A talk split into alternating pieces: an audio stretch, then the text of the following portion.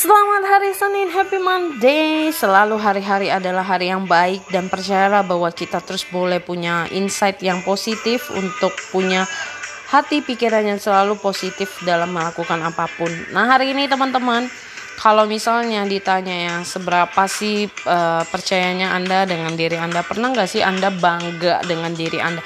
Pernah nggak sih Anda merasa appreciate proud banget sama diri Anda?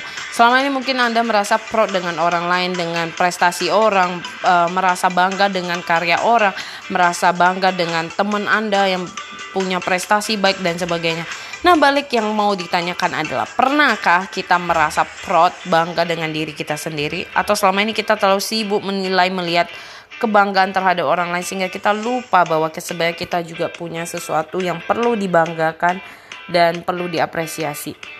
Nah, apa caranya? Dan jadi yang pertama kita akan bahas adalah pernahkah kamu benar-benar apresiasi diri kamu?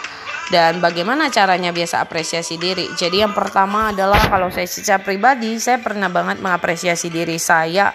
Dulunya saya minder ya, saya merasa kayak diri saya serba kurang. Saya merasa diri saya kok jauh kurang banget lah dari orang lain yang jauh lebih banyak prestasinya gitu. Tapi kalau saya sadari setiap semakin saya hanya melihat dengan kapasitas orang lain untuk ditaruh di dalam diri saya, maka saya tidak akan bisa tahu kapasitas saya sampai mana dan saya gak akan bisa bangga dengan diri saya. Bisa itu Tuhan kayak mengubah saya benar-benar melihat e, kamu itu spesial, kamu itu punya sesuatu yang orang juga belum tentu miliki gitu ya.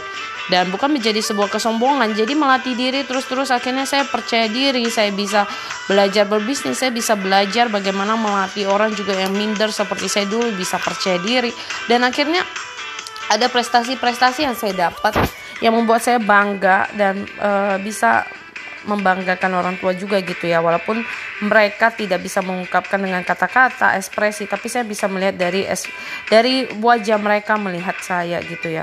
Dan yang saya mau bilang bahwa tips yang biasa saya lakukan untuk mengapresiasi diri adalah me time menikmati misalnya kalau lagi suka pengen makan apa saya pesen saya makan uh, saya sharing dengan my mom gitu ya.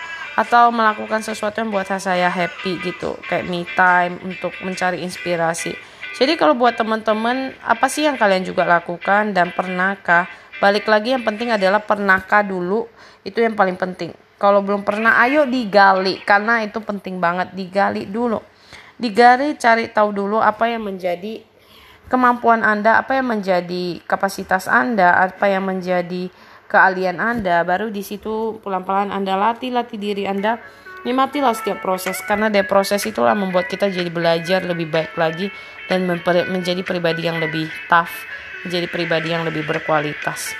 Jadi teman-teman ingat ya untuk apresiasi diri kita dan punya sebuah apresiasi penghargaan buat diri sendiri juga. Itu penting banget. Itu yang perlu penting dalam diri kita. Bukan selalu proud dengan orang lain saja tapi proud lah with yourself